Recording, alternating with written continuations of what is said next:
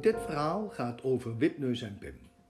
Wipneus en Pim zijn twee kabouters die de nodige avonturen meemaken. En in dit verhaal spelen zeven prinsessen een grote rol. En natuurlijk koning Goedhart. Zij krijgen te maken met rovershoofdman Vom Vaai. Luister maar.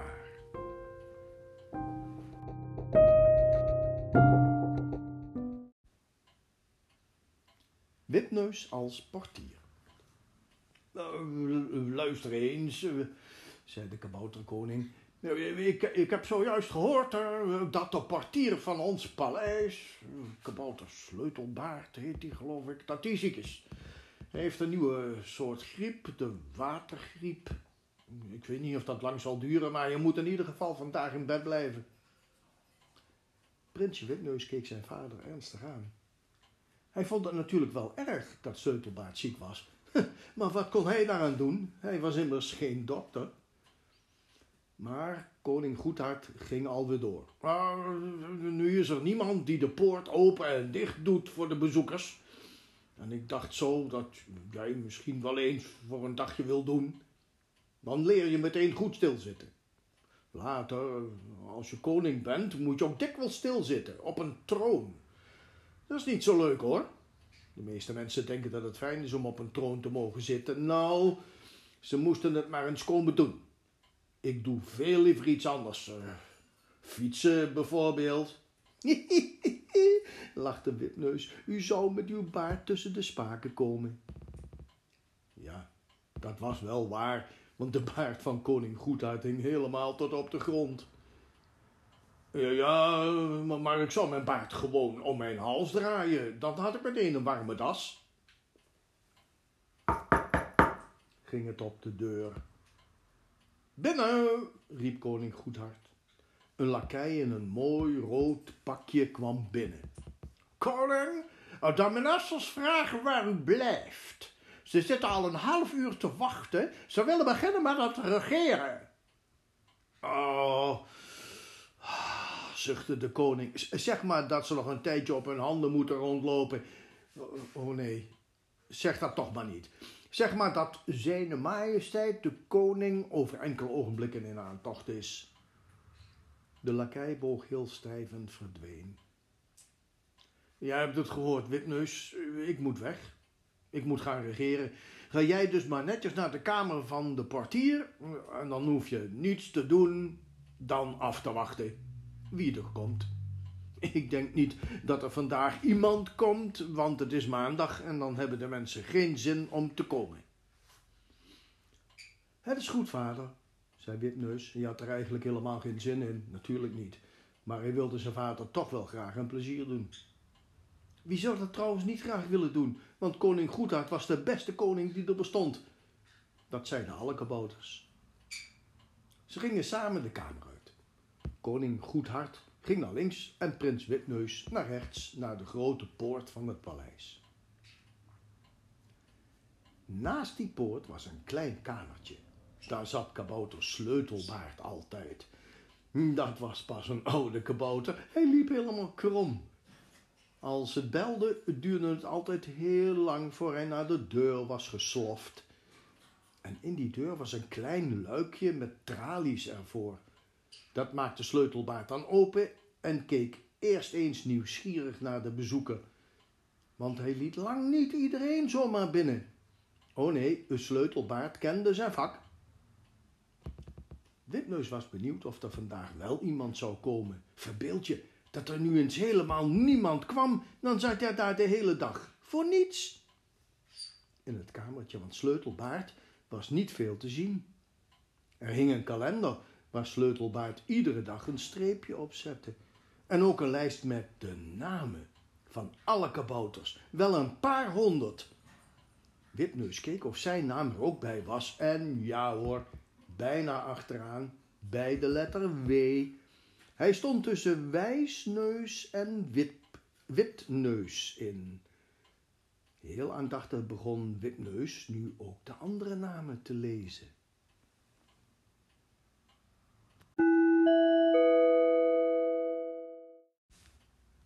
Daar zul je het hebben, dacht Wipneus hardop. Eerst even de sleutel zoeken. Ja, waar was die eigenlijk? Ah, daar zag hij hem hangen, aan een grote spijker vlak naast de deur. Jongen, wat een knaap van een sleutel was dat. Wel zo groot als het hoofd van Witneus. Met twee handen pakte hij hem vast. Toen liep hij ermee naar de poort. O ja, dat was waar ook. Hij moest eerst eens even het kleine kijkdeurtje openmaken. Even de sleutel op de grond zetten, in een hoekje. Ziezo. Nu het luikje open. Nieuwsgierig keek Wipneus naar buiten. En daar stond een dame. Wie bent u? vroeg Wipneus. De dame boog zich tot zij met haar gezicht vlak bij de tralies was. Ik ben prinses Marianne. Ik wil graag de koning spreken. Oh, wacht u maar eens even, dan zal ik de deur openmaken. Wipneus haalde de sleutel uit het hoekje en stak hem in het sleutelgat en draaide hem met alle twee zijn handen om. Hij, hij had nooit geweten dat een portier zo'n zwaar werk had. Het slot knarste open. Wipneus trok uit alle macht en langzaam draaide de zware poort open. Prinses Marianne stapte binnen. Ze was heel mooi gekleed in een lange blauwe jurk. Die sleepte nog een heel eind over de grond. Haar lange haren werden bijeengehouden door een gouden bandje. Kan ik de koning even spreken? vroeg ze. De koning is op het ogenblik aan het regeren. Als u even wil wachten in de spreekkamer, zal ik hem dadelijk gaan vertellen dat u er bent.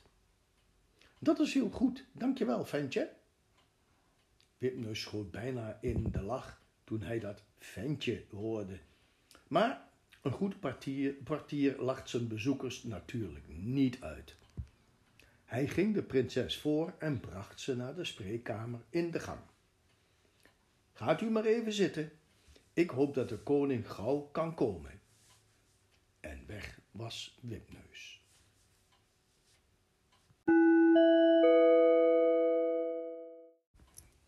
Wel, wel, wel, riep Wipneus verbaasd. Ik krijg het nog druk. Hij ging weer naar de poort en deed het luikje open. Alweer een dame. Het prinses Dodelin, is de koning thuis? Wacht u even, dan zal ik eerst de deur eens openmaken. De sleutel zat nog in het slot en even later stapte de tweede prinses binnen. De koning is op het ogenblik druk aan het werk, u zult even moeten wachten. En dan, er zit ook al iemand anders op de koning te wachten, ook een prinses. U kent ze misschien wel. Wie is het dan? Het is prinses Marianne. O ja, die ken ik wel.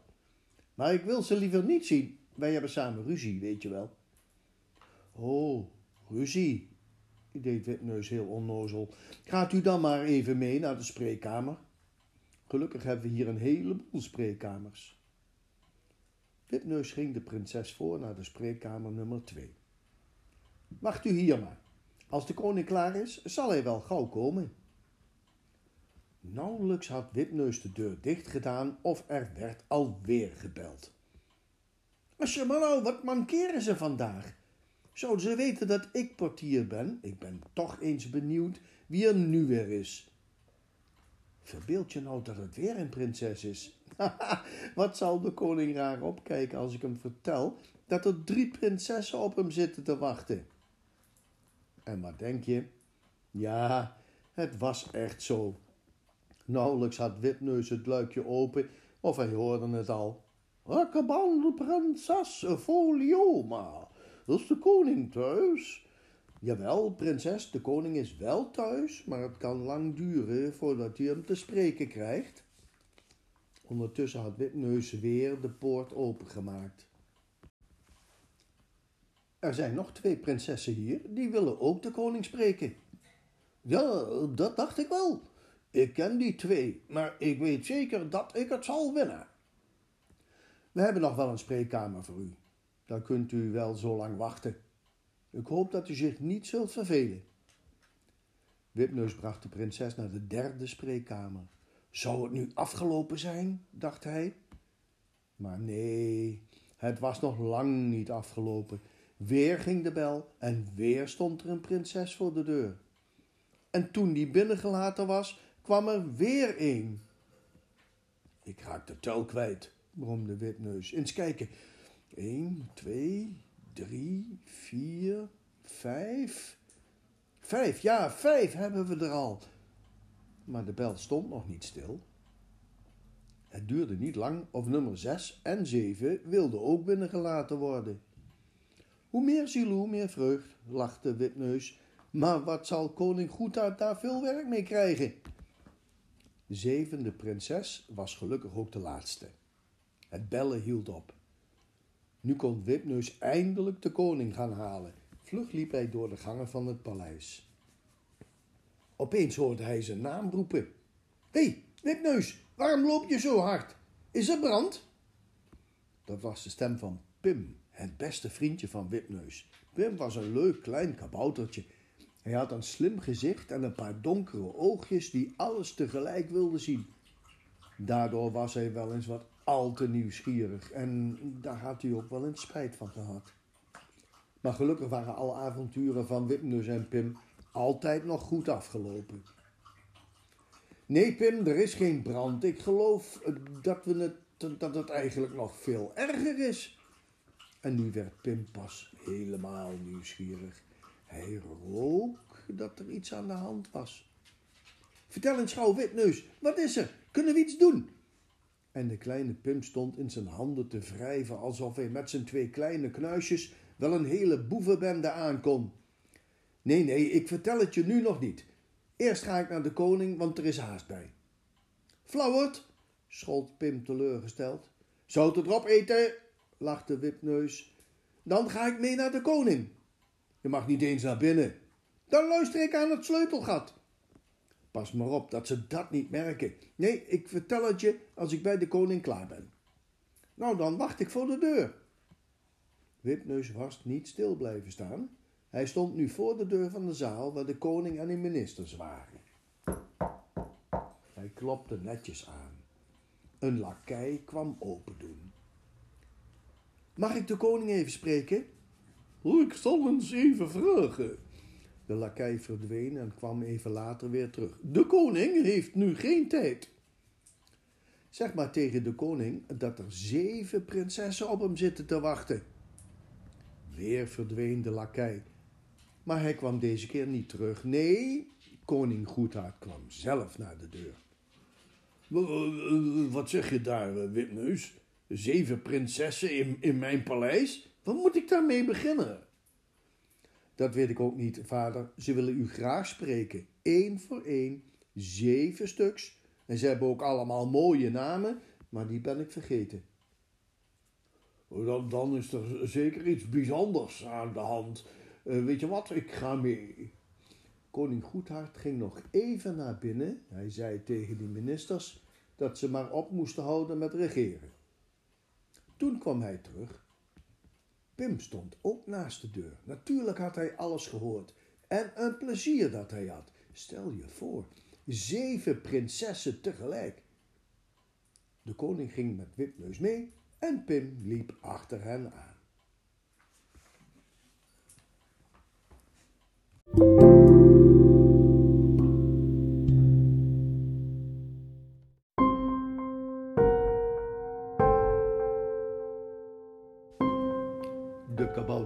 Wipneus en Pim en de zeven prinsessen. Hoofdstuk 2 Zwijgen is goud.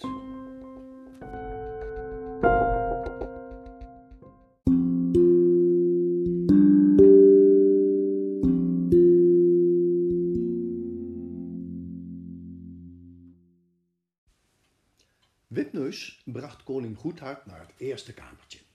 Daar zat prinses Marianne de koning ging er binnen, de prinses stond netjes op en gaf de koning een hand. Ik ben prinses Marianne. Wilt u mij alstublieft helpen? Uh, dat wil ik heel graag, uh, als ik het kan tenminste. Wilt u mij eerst eens vertellen wat ik voor u zou moeten doen? Want ik heb gehoord dat u niet alleen gekomen bent. Er zitten nog zes prinsessen te wachten. Ja, dat weet ik wel, ik denk dat die allemaal hetzelfde komen vragen. Wij komen uit Woudland. U weet het misschien wel te liggen achter uw eigen land. Koning Goedhart knikte. Ja, hij had er wel eens van gehoord. Toch was hij er nooit geweest. Hij had nog eenmaal niet veel tijd om te reizen. De prinses vertelde alweer verder. In Woudland heten wij de zeven bosprinsessen. Wij zorgen ieder voor een stuk van het woud. Iedere avond komen wij bij elkaar in het paleis van koningin Lindebloesem. Dan moeten wij vertellen wat wij die dag in het woud gezien hebben. Weer knikte de koning. Ja, ja, natuurlijk, dat begreep hij wel. Maar wat had hij daar nu mee te maken? Geduldig luisterde hij naar de rest van het verhaal. De laatste tijd hebben wij veel ruzie onder elkaar gehad. Het was eigenlijk de schuld van Sluipertje, de vos. Die beet de jonge haasjes en konijntjes dood. Hij liet de vogeltjes en de eekhoorntjes niet met rust en haalde allerlei streken uit. Als ik hem dan verjoeg uit mijn stuk van het bos, kwam hij weer tevoorschijn in het stuk van een andere prinses en daar hebben wij ruzie over gekregen. Oh, ja, en, en wat moet ik nu doen? vroeg de koning. Eh, moet ik Sluipertje komen vangen? Nee, nee, het is nog veel erger. Koningin Lindebloesem heeft ons weggestuurd. Zij heeft ons gezegd dat wij naar koning Goedhart moesten gaan. Wij moeten komen vragen of wij zeven dagen bij u mogen logeren.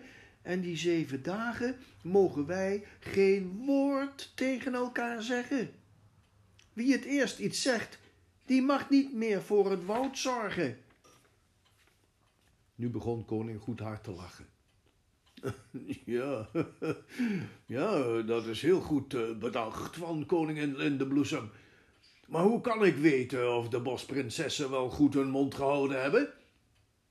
Oh, daar heeft de koningin wel voor gezorgd. Kijk, wij hebben allemaal een rood blaadje meegekregen.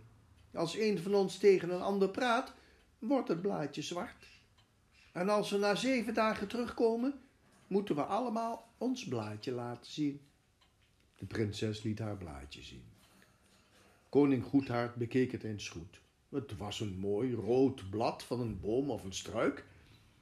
Maar de koning wist niet van welke plant. Hij had zo'n zo blad nog nooit gezien. Hij dacht even diep na. Hmm, ja. Ja, ja, eh, het is goed. Helemaal boven in het paleis zijn nog kamertjes leeg. Oh, daar, daar kunt u er allemaal een van krijgen. En dan maar mondje dicht houden daar. Zeven dagen lang. Het zal niet meevallen, denk ik. O jawel, ik kan best zo lang zwijgen. Maar die anderen houden het zeker niet vol. De koning had nu wel genoeg gehoord. Hij vond het maar een vreemde geschiedenis. En of het was ook een vreemde geschiedenis. En als de koning alles geweten had, zou hij nooit de prinsessen hebben binnengelaten.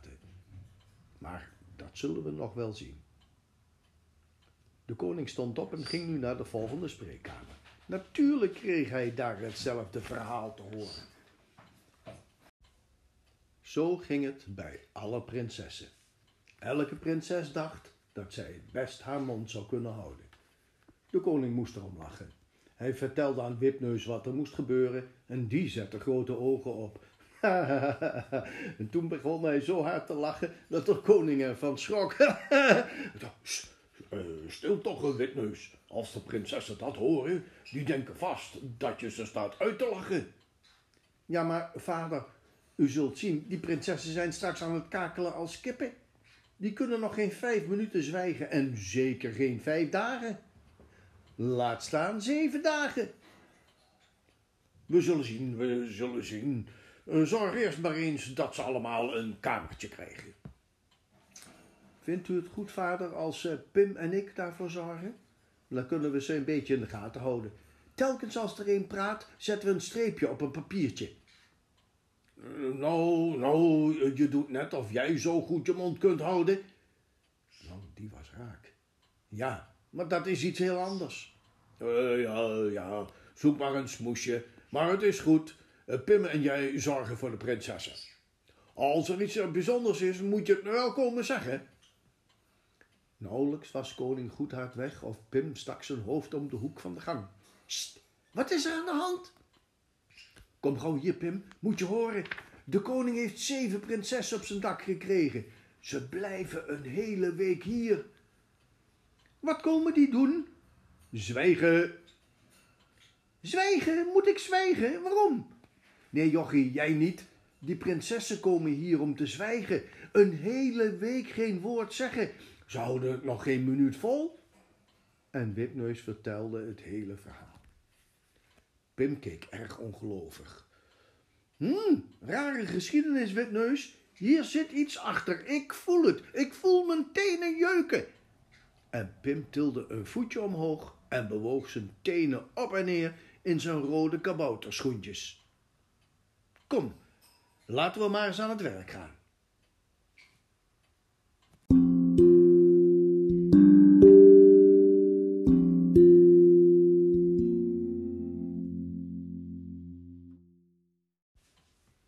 Wipneus en Pim stonden bij de spreekkamertjes. Ze klopten op elke deur en vroegen of de prinsessen zo goed wilden zijn om mee te komen. Eén voor één kwamen de dames naar buiten. Nu stonden ze alle zeven op de gang, maar ze keken elkaar niet eens aan. Ze deden juist of ze elkaar niet zagen. Wilt u maar meekomen? vroeg Wipneus beleefd. De prinsessen gingen achter elkaar staan en liepen in een lange rij achter Wipneus en Pim aan. De gang door en de trappen op. Onderweg kwamen ze verschillende kabouters tegen. Die bleven van verbazing staan met hun mond helemaal open.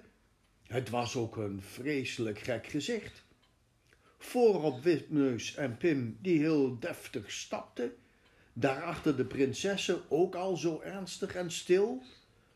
Op de bovenste verdieping van het paleis waren een heleboel lege kamertjes.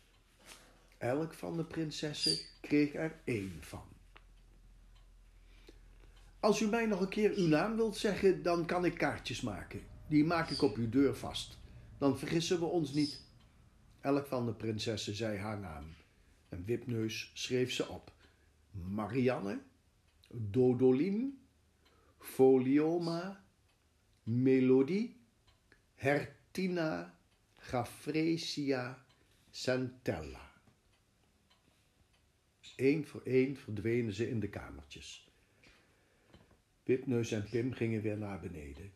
Onderweg kwamen ze heel wat nieuwsgierige kabouters tegen en allemaal vroegen ze wat er toch aan de hand was. Maar Wipneus en Pim lieten niets los, want ze hadden het grootste plezier om al die vragen. Eentje vroeg zijn dat soms nieuwe dienstmeisjes? En een ander, oh, dat zijn zeker een stel schooljuffen. Maar met al hun vragen kwamen ze geen steek verder. En omdat de prinsessen zich voorlopig niet lieten zien, waren de meeste kabouters het alweer gauw vergeten. Witneus schreef intussen heel mooie kaartjes waar de namen op stonden met krulletters en zonder vlekken. Met een punaise prikte hij die op de deuren vast. Pim hielp ijverig mee.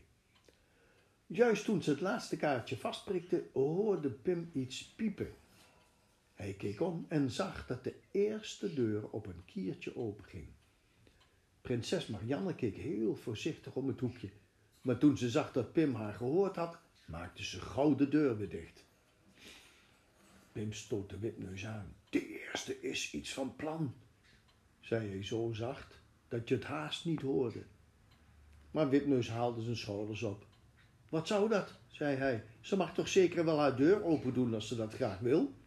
Ja, maar waarom deed ze die dan weer dicht toen ze mij zag? Nou ja, we zullen wel zien. Als ze iets van plan zijn, hebben we het gauw genoeg in de gaten. Samen gingen ze weer naar beneden. Wipneus ging weer portier spelen, maar hij had het niet druk, er kwam niemand meer bellen. En Pim? Heel zachtjes sloop hij weer de trappen op. Hij wilde o zo graag wat meer te weten komen over de zeven vreemde gasten. Maar toen hij boven kwam, was alles stil. Het was Pim een beetje tegengevallen dat er niets te zien en te horen was. Hij was graag wat meer te weten gekomen over die vreemde bezoeksters. Het leek wel of er hierboven niemand woonde. Ik zal nog even geduld moeten hebben, bromde Pim zacht. Hij keek eens rond of hij zich niet ergens fijn kon verbergen. Op zijn tenen liep hij door de gang. Wacht eens, daar stond een grote staande klok. Een hele grote, met een deurtje erin. Die had vroeger beneden gestaan, maar omdat zij kapot was, hadden ze haar maar hier neergezet. Voorzichtig maakte Pim het deurtje open en kroop naar binnen. Hij duwde de zware gewichten wat opzij. Er was plaats genoeg om op zijn hurken te gaan zitten. Het deurtje trok hij bijna dicht. Door een smal kiertje kon hij mooi over de gang kijken. En nu was het afwachten. Het duurde lang. Pim zat wel een half uur in de kast en hij begon vreselijk stijf te worden. Maar toen gebeurde het.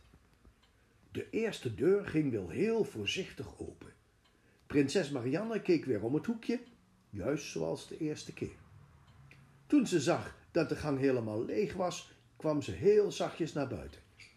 Ze luisterde eerst goed. Nee, er was niemand in de buurt.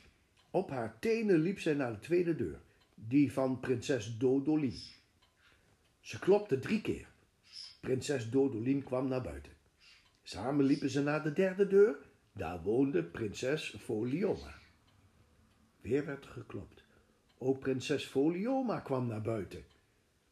Pim werd zo nieuwsgierig dat hij het deurtje wat verder openmaakte. Dan kon hij beter zien.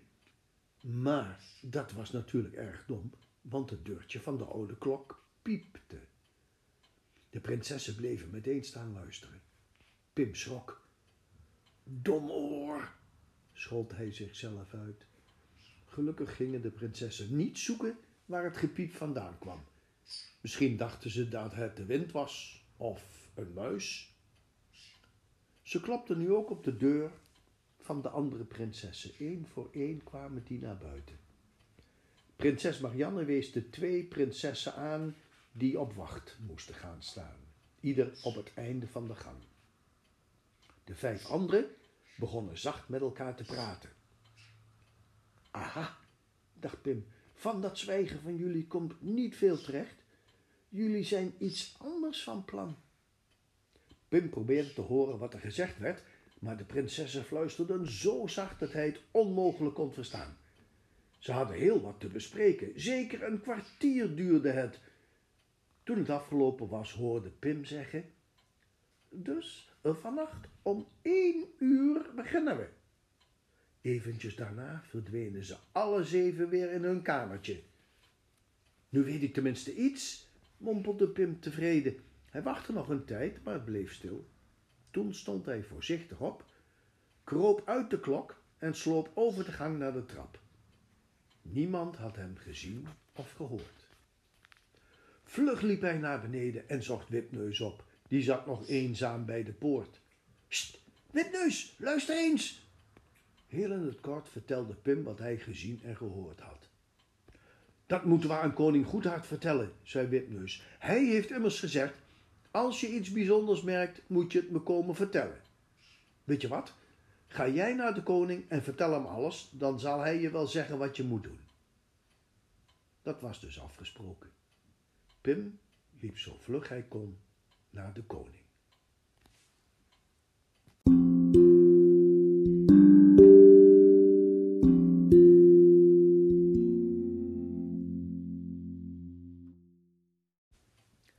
De koning keek verbaasd op toen hij hoorde wat Pim ontdekt had. Zo, zo. Dus die prinsessen zijn niet hier gekomen om te zwijgen. Maar waarvoor dan wel? Daar moeten we achter zien te komen. Er moet iemand zijn die onze gasten een beetje in de gaten houdt. Laat u mij dat maar doen, zei Pim direct. Jij? Ben jij wel voorzichtig genoeg? Je bent al eens eerder al te nieuwsgierig geweest. Ja, dat wist Pim wel. Hij had al eens een paar keer gevangen gezeten. Maar het was toch altijd goed afgelopen. Bovendien, die prinsessen leken helemaal niet erg gevaarlijk. Dat vertelde Pim allemaal aan de koning. Koning Goedhart zag wel dat Pim er erg veel zin in had. Uh, goed, zei hij. Ga dan vannacht maar eens op wacht staan. Morgen vroeg kom je me dan meteen zeggen wat er gebeurd is. En als het nodig is om me direct te waarschuwen, dan moet je dit maar gebruiken. Koning Goedhart haalde uit een lade van de tafel een eigenaardig instrumentje. Het was een zilveren fluitje dat als een molentje op een zilveren buisje kon draaien. Kijk, zei de koning, als je me moet hebben, dan moet je in het buisje blazen. Eerst rechtop houden en dan begint het fluitje vanzelf rond te draaien. En als het stilstaat, wijst het altijd precies naar de plaats waar ik ben. Wil je het eens proberen? Natuurlijk wilde Pim dat wonderfluitje graag eens proberen. De koning ging in een hoekje van de kamer staan en Pim ging naar de andere hoek. Uh, doe maar, zei koning Goedhart. Pim hield het fluitje rechtop en blies onderin het pijpje. Het fluitje begon rond te tollen en er kwam een hoge toon uit. Toen stopte het fluitje opeens en wees recht naar de koning. Dit fluitje werkt al altijd precies, ook als je buiten bent, zelfs als je heel ver weg bent. Bewaar het dus goed, dan zul je nooit meer verdwalen. Je snapt wel dat Pim er erg blij mee was. Hij bedankte de koning netjes. Toen ging hij weer de kamer uit. Natuurlijk ging hij Wipneus vertellen wat de koning gezegd had. Wipneus zou ook wel graag met Pim de wacht willen houden, maar dat was wel wat gevaarlijk. In de klok was maar plaats voor één kabouter. Morgen vroeg moet je me direct vertellen wat er gebeurd is, zei Wipneus. Dat beloofde Pim natuurlijk. Toen s'avonds alle kaboutertjes onder de wol lagen, sloop Pim weer stilletjes de trappen op naar boven toe. Het was nu overal donker, ook bij de kamers van de prinsessen. Pim voelde met zijn hand langs de muur tot hij weer bij de oude klok kwam en even later was hij in de klok verdwenen. Het duurde weer erg lang. Het was zo stil dat Pim heel slaperig werd. Zijn oogjes werden zwaarder en zwaarder.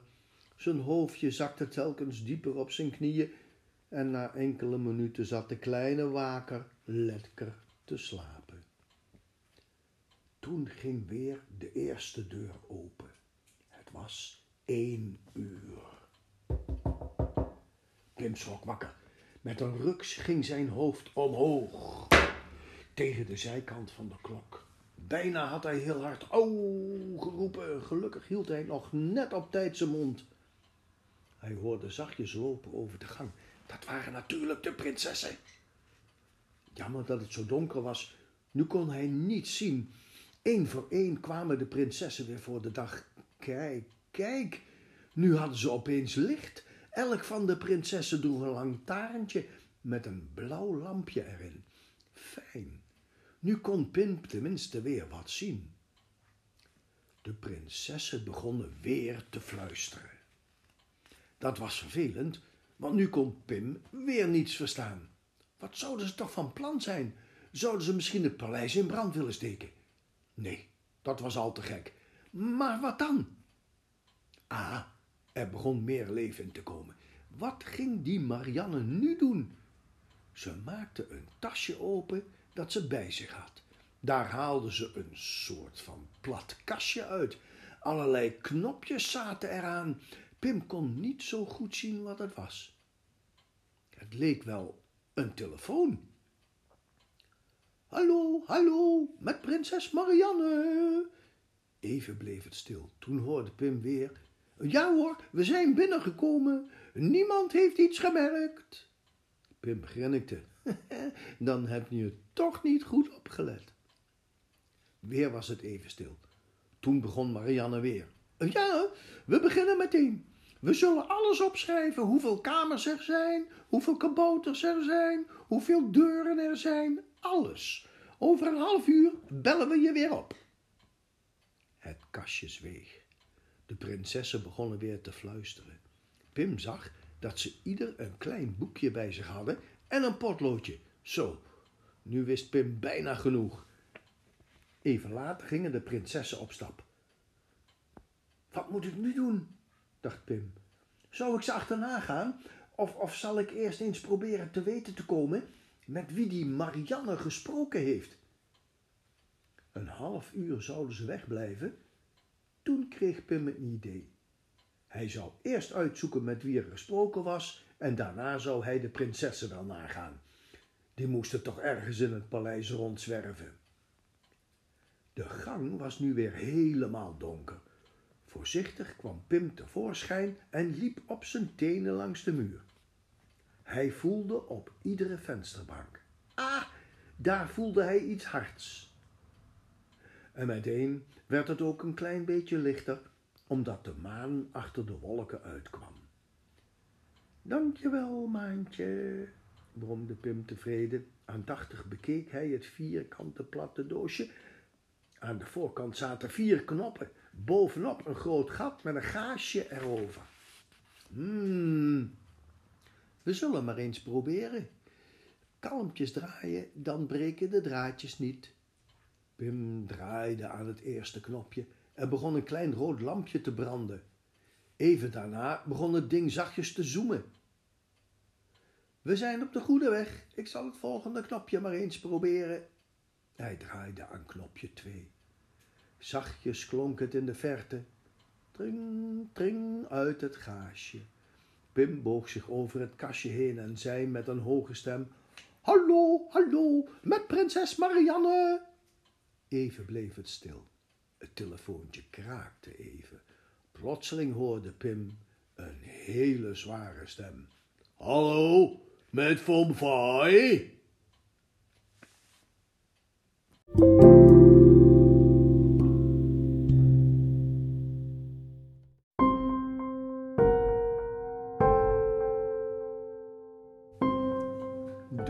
Kabouters Wipneus en Pim en de zeven prinsessen.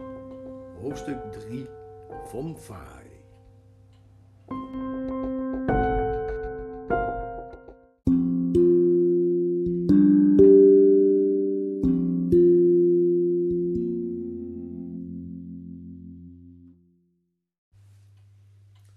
Pim praat door het telefoontje met Vom. Nu moet ik oppassen, anders verraad ik mezelf, dacht Pim. Weer begon Pim te praten met de stem van Marianne. Ik was nog iets vergeten, daarom ben ik teruggekomen. Wat is er? hoorde hij Von Vai boos grommen. moeten we ook opschrijven hoeveel ramen er zijn? maar natuurlijk, domme gans. En schiet een beetje op. Ik heb haast, ik heb nog meer te doen. Wat een brommerige meneer is dat, dacht Pim. Wist ik maar waar die zat. Ik ben nog wat vergeten, zei Pim in de telefoon. Waar mo moet ik de papiertjes naartoe sturen? Papiertjes? Wat papiertjes? Ik kan met papiertjes niks doen. Morgenavond om tien uur moet je bij mij zijn, begrepen? Jawel, Von Vai. Tot straks, Von Vai. Pim draaide vlug de knopjes weer terug. Hij was al heel tevreden. Wel wist hij nog niet veel van die Vai af. Maar als hij slim was, kwam hij dat ook nog wel te weten. Nu moest hij gauw proberen die prinsessen te vinden. Pim sloop over de gang heen en de trappen af. Ja hoor, daar heel in de verte zag hij een paar kleine blauwe lampjes. Daar waren ze. Eens kijken. Eén, twee, drie. Drie prinsessen liepen daar. De andere waren zeker een andere kant uitgegaan. Pim sloop nog wat dichterbij en bleef op een hoekje staan kijken. De prinsessen bekeken alles heel goed. Ze telden de gangen, de deuren, de ramen en telkens schreven ze wat op. Zo dwaalden ze door het hele gebouw. Eindelijk waren ze overal geweest en ze gingen weer terug naar boven. Pim ging er weer achteraan. Van de andere kant kwamen ook nog eens vier prinsessen. Nu was het hele stelletje weer compleet. Prinses Marianne ging weer naar de telefoon en belde Von Vai op. Ze vertelde dat ze al heel veel opgeschreven hadden. Het laatste wat Pim hoorde was: Morgenavond om tien uur kom ik. En Pim zei heel zacht: Maar dan zul je toch niet alleen komen. Er komt nog een prinses Marianne en die heet Pim.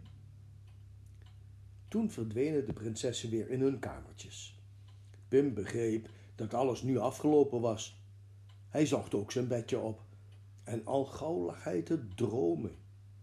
Hij zag dat er zeven telefoons rond zijn bed kwamen dansen. Die hadden allemaal hele dunne beentjes en armpjes en ze droegen blauwe lampjes. Ze kwamen steeds dichter bij Pim en ze pakten hem vast en ze schudden hem flink door elkaar. Oh, laat los, ga maar naar Fomfai. Toen deed Pim zijn ogen open en keek in het verbaasde gezicht van Wipneus. Wat vertel jij toch een onzin, zei Wipneus. Sinds wanneer heet ik Fomfai? Toen was Pim pas helemaal wakker. Hij begon te lachen en dat maakte Wipneus nog veel nieuwsgieriger. Maar Pim wilde nog niets vertellen. Eerst zouden ze samen eens naar koning Goedhart gaan.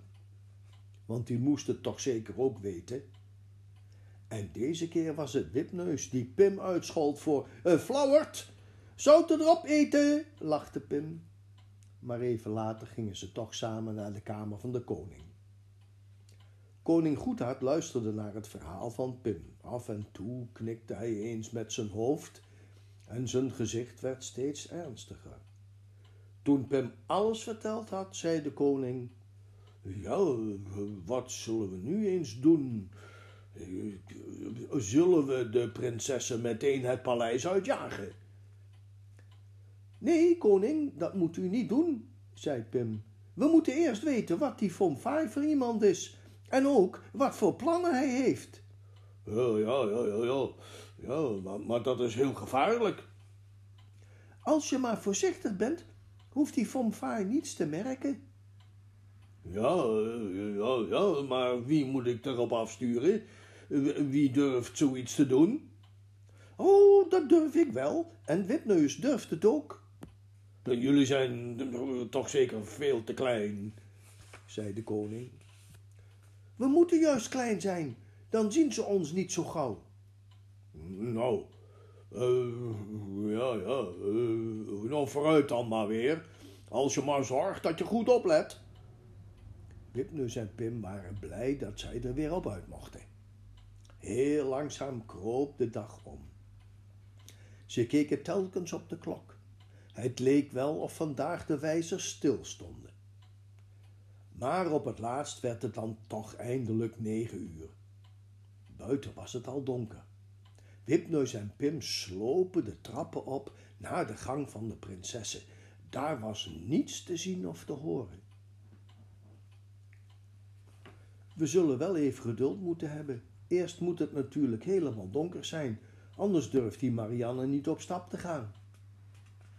Ze verborgen zich opzij van de oude klok. Gelukkig was het heel donker in de gang. Als de prinses nu maar meteen de trap afging, konden Wipnus en Pim haar gemakkelijk volgen. Eindelijk, daar ging de deur van de eerste kamer open. Een zwak blauw lichtje verscheen in de opening en daar kwam prinses Marianne. Ze keek eerst eens goed rond, toen stond ze stil om te luisteren. Wipneus en Pim hielden hun adem in. Marianne merkte niets. Langzaam ging ze naar de trap en begon naar beneden te lopen. Wipneus en Pim kwamen nu ook tevoorschijn en liepen heel zachtjes achter haar aan. Natuurlijk mochten ze niet te dicht bij haar komen. Maar hoe zou die prinses uit het paleis komen?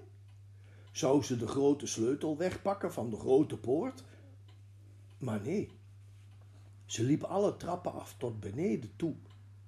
Daar maakte ze een raam open, klom op de vensterbank en verdween in het donker.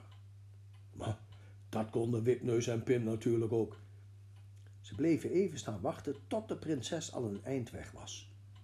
Toen klommen ze ook door het raam naar buiten. Van de vensterbank sprongen ze op de grond. Pof, pof. Zou Marianne het niet gehoord hebben? Gelukkig klonk het niet hard, want er groeide gras onder het raam. Nee, het lampje bewoog rustig verder. Vlug begonnen de twee kabouters het lichtje te volgen. Waar zouden ze terechtkomen? Het kon niet zo heel ver weg zijn, want het was al bijna tien uur. Maar opeens bleef het lampje staan. Wat was dat nu weer?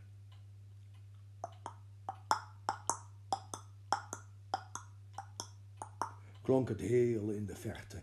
Het was het geluid van paardenhoeven op de grond.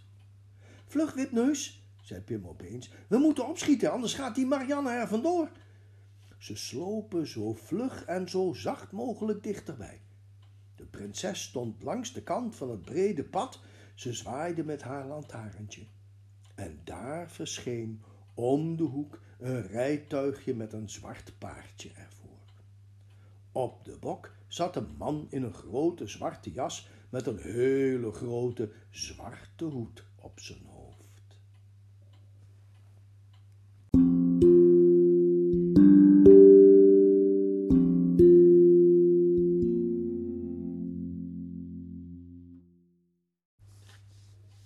Vlak bij de prinses stopte het wagentje. Marianne zei iets tegen de koetsier, maar die gaf geen antwoord. Hij liet het paard keren op de weg. De prinses maakte het deurtje open en stapte in. Nu wij, fluisterde Pim. Hij had gezien dat er achter het rijtuigje een plank zat. Daar konden koffers opgebonden worden, maar die plank was nu leeg. Juist toen het paardje aantrok, kropen Wipneus en Pim tevoorschijn. Ze liepen vlug naar het wagentje, pakten de rand van de plank vast en sprongen erop. Met hun buik lagen ze er bovenop, hun beentjes bengelden in de lucht. Maar dat duurde niet lang. Eerst hezen ze één knie omhoog, toen de andere. Ze draaiden zich om en daar zaten ze met hun rug tegen de achterkant van het wagentje. Maar ze durfden niets te zeggen. Verbeeld je dat Marianne hen zou horen. Het paardje begon te draven. Wipneus en Pim moesten zich goed vasthouden, anders konden ze er wel eens van aftuimelen. Na een minuut of tien kwamen ze aan in een groot bos. De koetsier liet het paard rechts afslaan, een donker bospad in. Hier kon hij niet vlug rijden, want het pad zat vol met kuilen. Het karretje hotste en botste van de ene kuil in de andere. Wipneus en Pim hadden de grootste moeite om er niet af te vallen. Maar gelukkig duurde de tocht niet lang. Ze hoorden de koetsier roepen. Voor het paard stilstond waren Wipneus en Pim al van het rijtuig gesprongen. Snel verdwenen ze tussen de struiken. Tot zover was alles goed gegaan. Maar ze waren er nog niet. Ze konden toch niet zomaar onder de struiken blijven zitten. Ze moesten ook nog weten wat de prinses hier in het bos ging doen. Marianne was nu uitgestapt. De koetsier reed langzaam verder. De prinses ging een heel smal bospaadje in. Na een minuut gingen de twee kabouters ook het paadje in. Ze waren benieuwd waar ze terecht zouden komen. Lang hoefden ze niet te wachten. In de verte zagen ze lichtjes. Nu oppassen, Pim. We zijn bijna in het hol van de leeuw. Of in het hol van Fomfai, dat is misschien wel even erg. Opeens hielden de bomen en struiken op. Ze waren op de rand van een grote open plek in het bos gekomen. En kijk, daar stonden een heleboel tenten, wel een stuk of acht, negen. In het midden tussen die tenten brandde een groot houtvuur. Overal liepen mannen in donkere kleren en met grote hoeden op heen en weer. Prinses Marianne was natuurlijk doorgelopen. Wipneus en Pim zagen nog net dat ze de grootste tent binnenging. Die stond een beetje opzij, apart van de andere.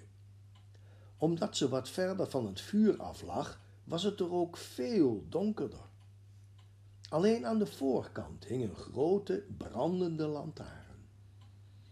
Dat kwam juist goed uit. Wipneus en Pim slopen tussen de struiken door langs de rand van de open plek.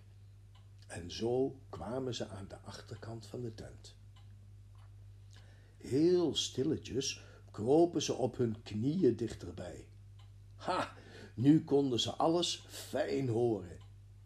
Een zware stem zei: uh, je alles bij je, Marianne? Ja hoor, ik heb alle papiertjes meegebracht.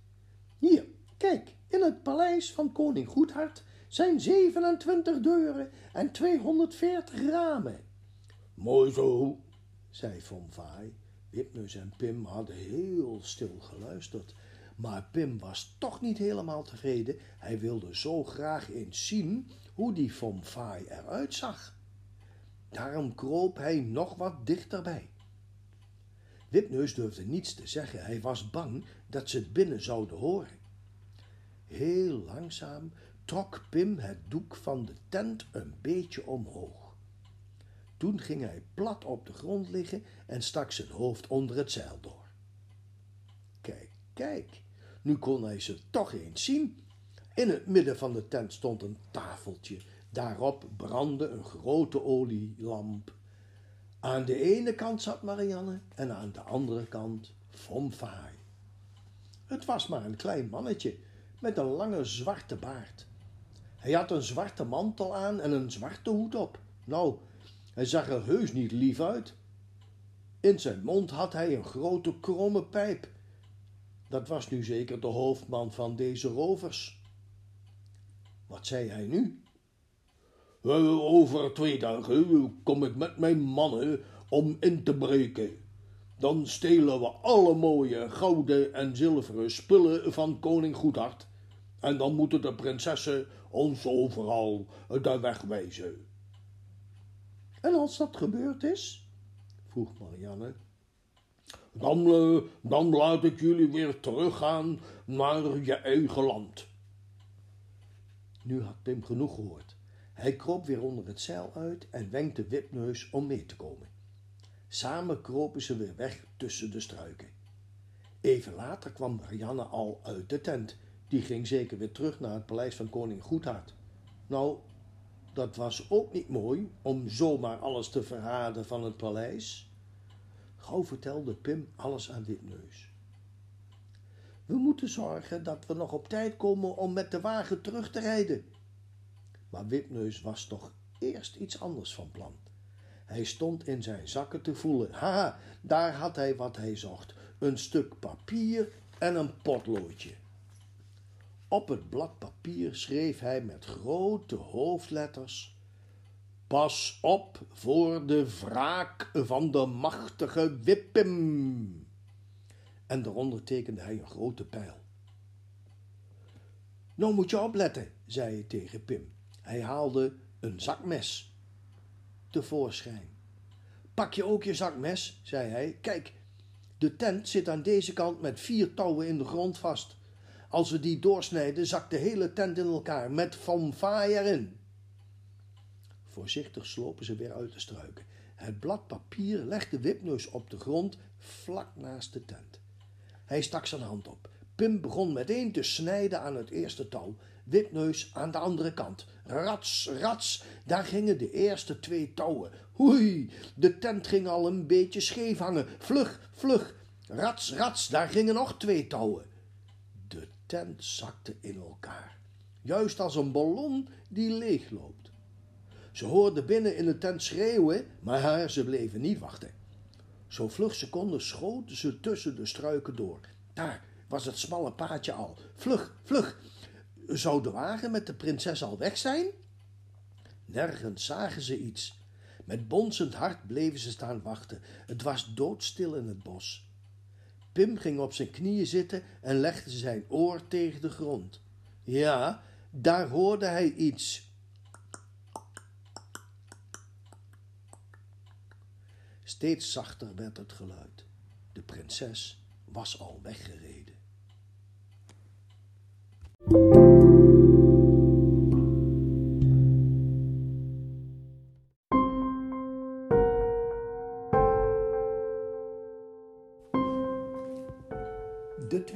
Kabouters, Wipneus en Pim en de zeven prinsessen. Hoofdstuk 4 In het donker opstap. De twee kabouters Wipneus en Pim hebben het kamp van Von Faai ontdekt. Nu ze terug naar het kasteel willen, merken ze dat de koets met de prinses al weg is.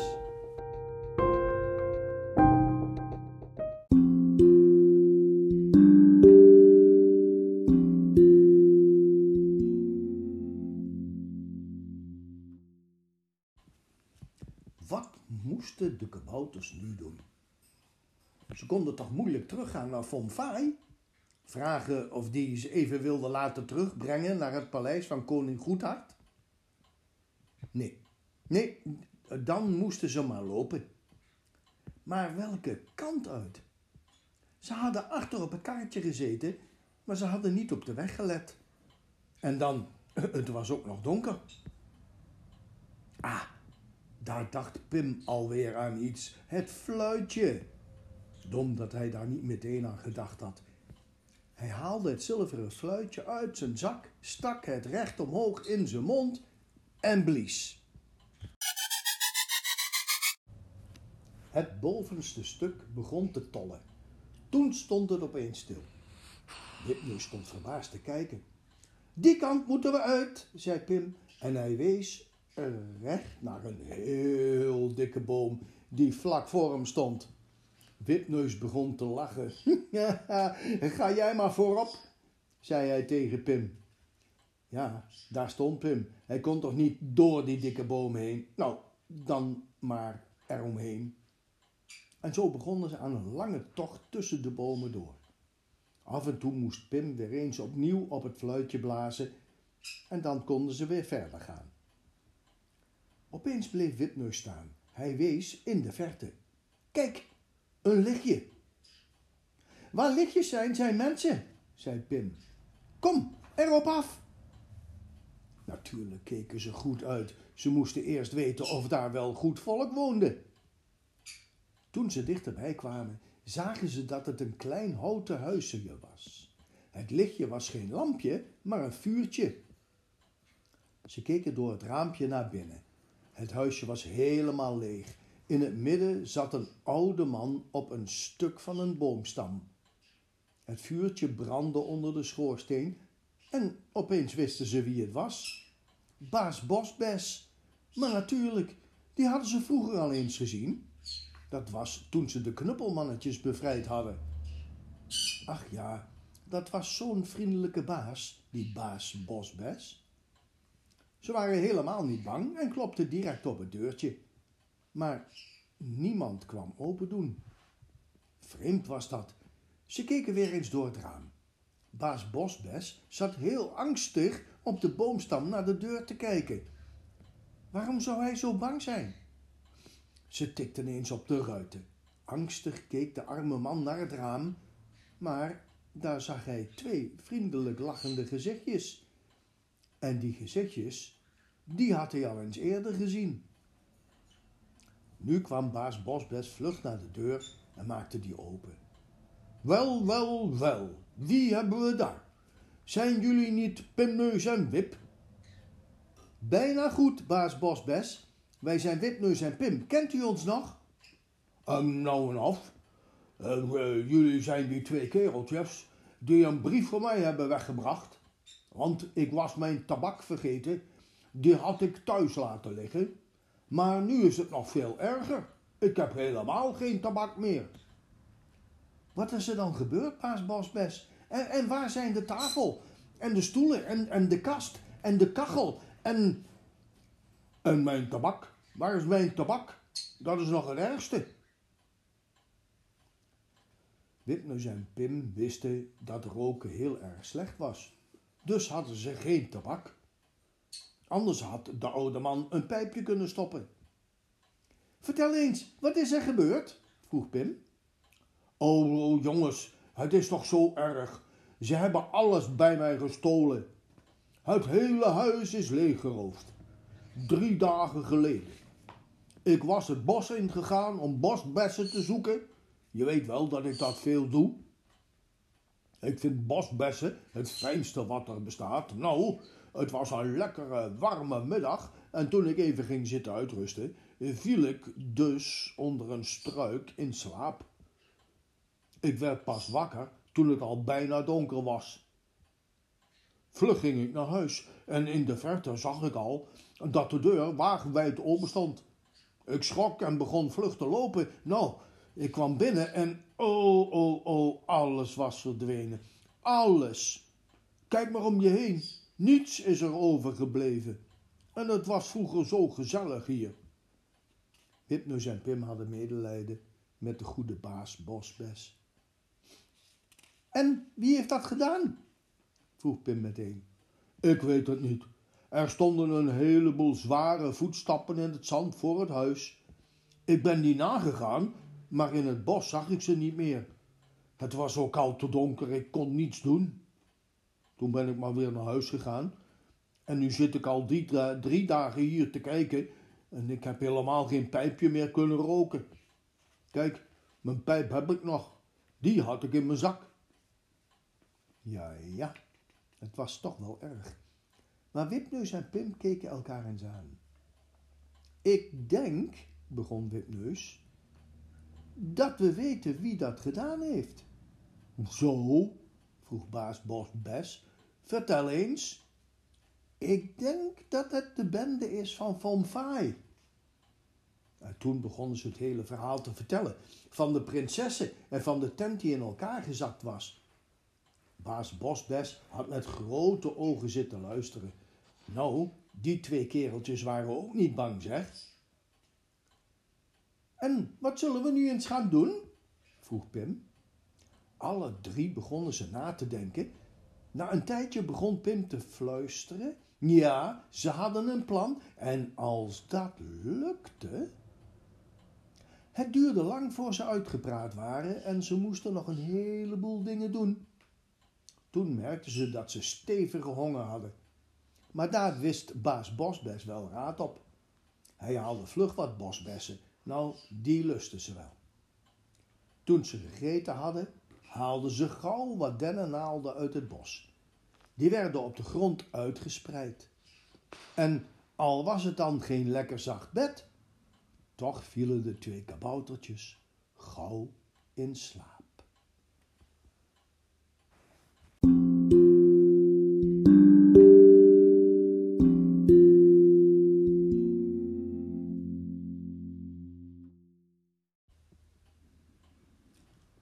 De volgende morgen wakker werden, zagen ze baas Bosbes nergens.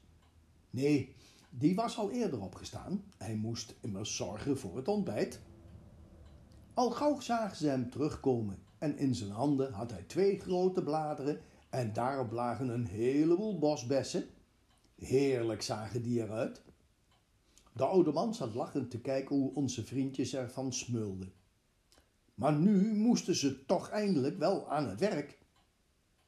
Een uurtje later ging baas Bosbes op stap. Hij pakte een flinke, dikke tak die in het bos lag. Dat was zijn wandelstok want hij ging een lange wandeling maken, helemaal naar het paleis van koning Goedhart.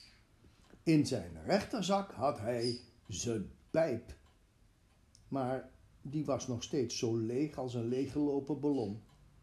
In zijn linkerzak had hij een brief. Een brief. Hoe kan dat nou? Hm, ja, ja, Wipneus had een brief geschreven aan de koning. En er was niet eens papier in huis. Nee, er was ook geen papier voor een brief, maar een oude kabouterkrant die de rovers vergeten hadden. Wat heb je ook aan oude kranten? En die oude krant had Wipneus netjes aan stukken gescheurd. Met zijn potlood had hij op de randjes een brief naar de koning geschreven. Die brief zat nu veilig in de linkerzak van baas Bosbes. Na twee uur zag hij in de verte het mooie paleis van de kabouters liggen. Baas Bosbes was blij. Hij had het vreselijk warm gekregen van al dat lopen. Hij ging naar de grote poort en belde aan. Sleutelbaard kwam open doen. Die was gelukkig weer beter. En uh, is de koning thuis? Vroeg baas Bosbes. De koning is wel thuis, zei Sleutelbaard. Maar wilt u mij zeggen hoe u heet en waarvoor u komt? Oh ja, dat wil ik wel. Ik ben baas Bosbes en ik kom met een brief van Pimneus en Wip. Oh nee, daar, daar vergis ik me weer. Uh, van, uh, van, uh, van Wipneus en Pim. Meteen zwaaide de sleutelbaard de poort wijd open. Kom er dan maar gauw in, want de koning is vreselijk ongerust wat zal hij blij zijn dat u gekomen bent.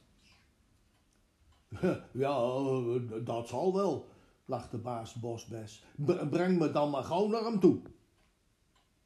Baas Bosbes mocht mee naar de kamer van koning Goedhart. Onderweg keek de oude man eens goed rond. Hij was nog nooit binnen in zo'n mooi paleis geweest. Eindelijk waren ze bij de kamer van de koning. Sleutelbaard klopte gauw aan. De koning deed zelf de deur open en keek nieuwsgierig naar de vreemde bezoeker. Dit is baas Bosbes. Hij is gestuurd door Witneus en Pim. Oh, oh, oh kom dan uh, alstublieft gauw binnen. Oh, wat ben ik blij dat ik iets van die twee rakkers hoor. Ze, uh, ze, ze zijn vannacht verdwenen en zomaar weggebleven. Ja, ja, ze maken het best goed hoor. U heeft helemaal niet ongerust meer te zijn. Zulke flinke kabouters kijken wel goed uit. Baas Bosbes kreeg een stoel. En, en vertel uh, uh, nu maar eens alles, begon de koning dadelijk. Uh, ik hoef niet veel te vertellen, zei Bosbes. kijk, hier staat het in. Hij voelde met zijn hand in zijn rechterzak en haalde er zijn pijp uit. Verbaasd keek koning Goedhart naar de pijp. zit het daarin? vroeg hij verbaasd. Maar ze is toch leeg? Och ja, nu zag baas Bosbes het zelf ook. Mijn pijp, ja, die is leeg. Dit is al de vierde dag dat ze leeg is. Ik heb geen sprietje tabak meer. Is het niet om te huilen?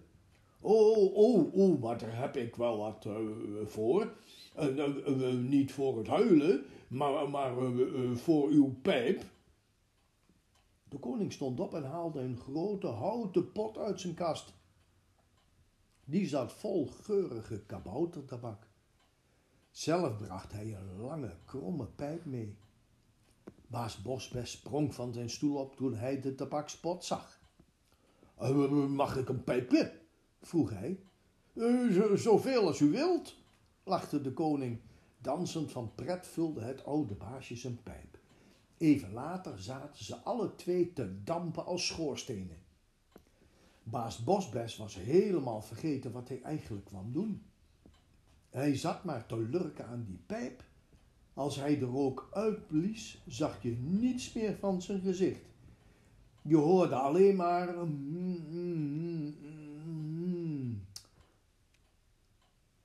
En vertelt u nou maar eens uh, uh, wat er aan de hand is, zei de koning eindelijk. Oh, ja, dat was ik bijna vergeten. Kijk, hier staat het in. Hij stak zijn hand in zijn linkerzak en haalde het stuk van de krant eruit.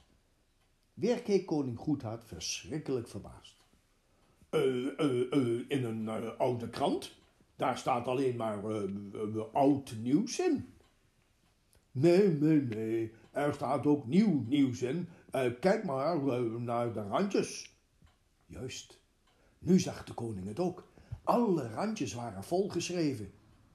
De koning moest het papier telkens draaien om het te kunnen lezen. En wat stond er dan? Luister maar. Lieve koning, over twee dagen willen de rovers van Fonfai alles komen weghalen in ons paleis. Ze hebben ook alles weggehaald bij baas Bosbes. Ook zijn tabak. En dat is het ergste. Krijgt hij van u wat nieuwe tabak? Als de rovers komen, moet u ze in de val lokken. Dat zal wel lukken, hè? U hoeft niet bang te zijn dat er iets met ons zal gebeuren. Wij komen ook samen met de rovers, maar wij heten dan Wippim. Eerst moeten wij zorgen dat baas Bosbest zijn spulletjes terugkrijgt. Heel veel groeten van mij en van Pim. Dag, Wipneus. Uh, uh, uh, ik snap er niet veel van, zei de koning. Toen begon baas Bosbest te vertellen. De koning zat maar stil te luisteren. Af en toe schudde hij met zijn hoofd. Die rakkers toch. Maar toch was de koning wel trots op zijn slimme kaboutertjes. Een uurtje later ging Bosbes weer naar huis.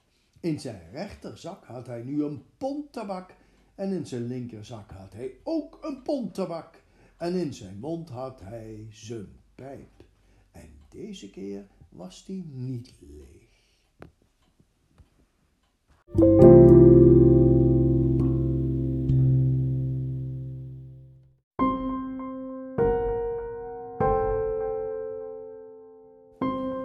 Wipneus en Pim en de Zeven Prinsessen.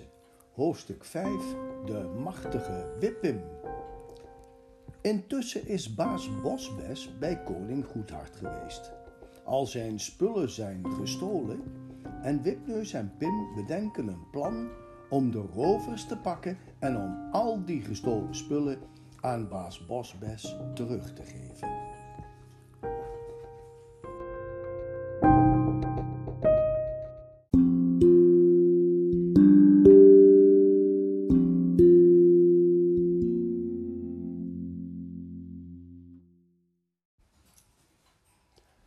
We zullen koning Goedhart maar eens even alleen laten. Die zit nu na te denken hoe hij de rovers zal gevangen nemen. We gaan eens kijken wat er met Wipneus en Pim gebeurd is.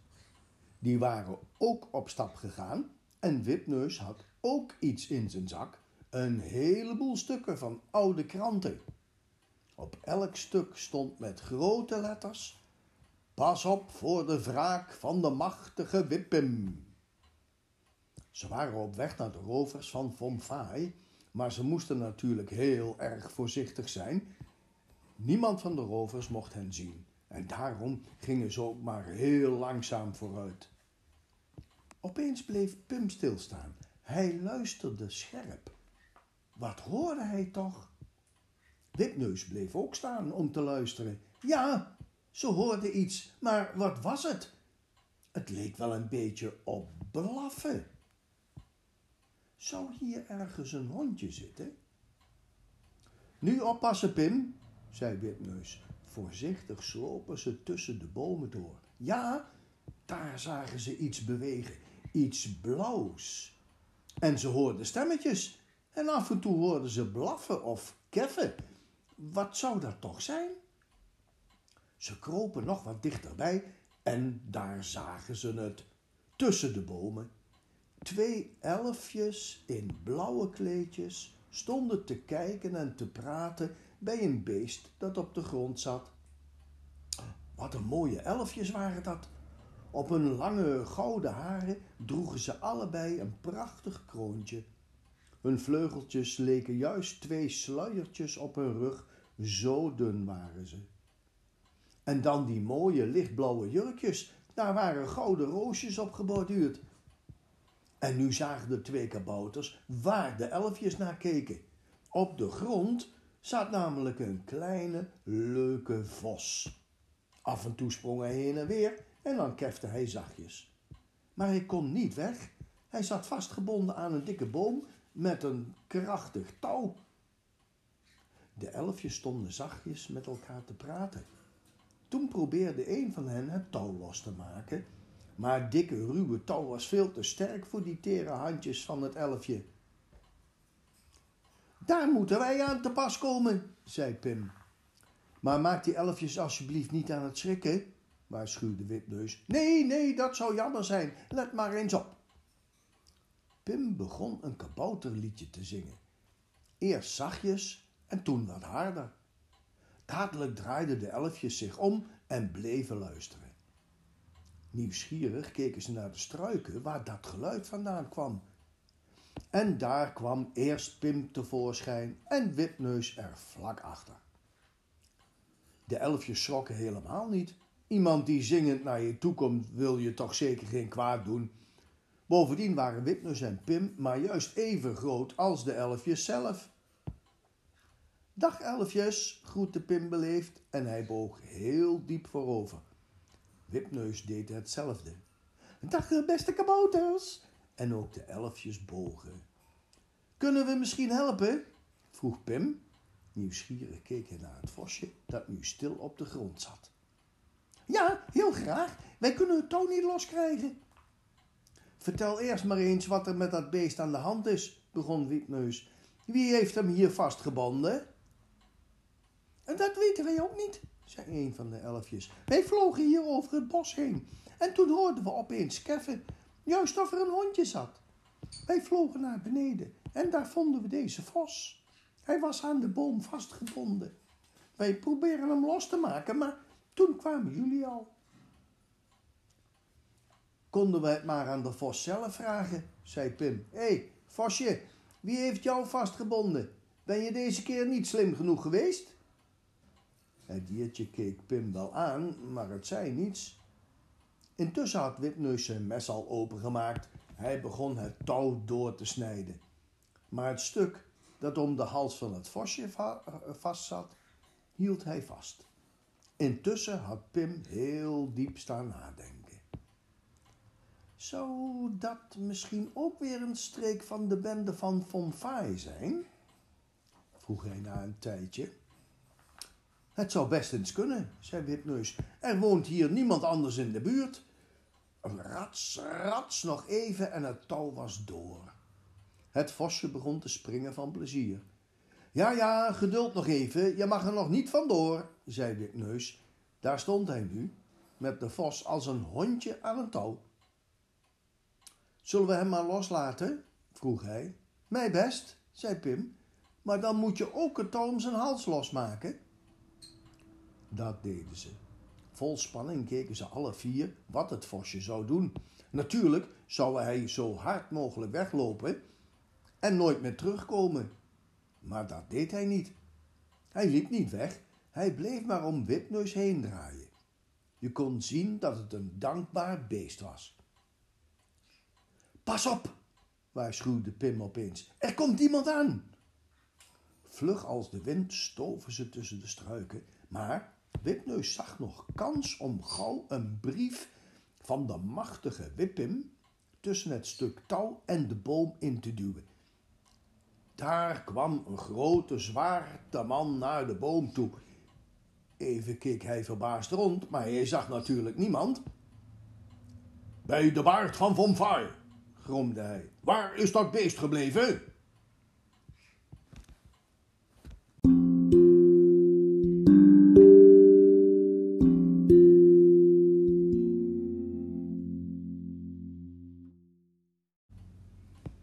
Waar is verdorie dat beest gebleven?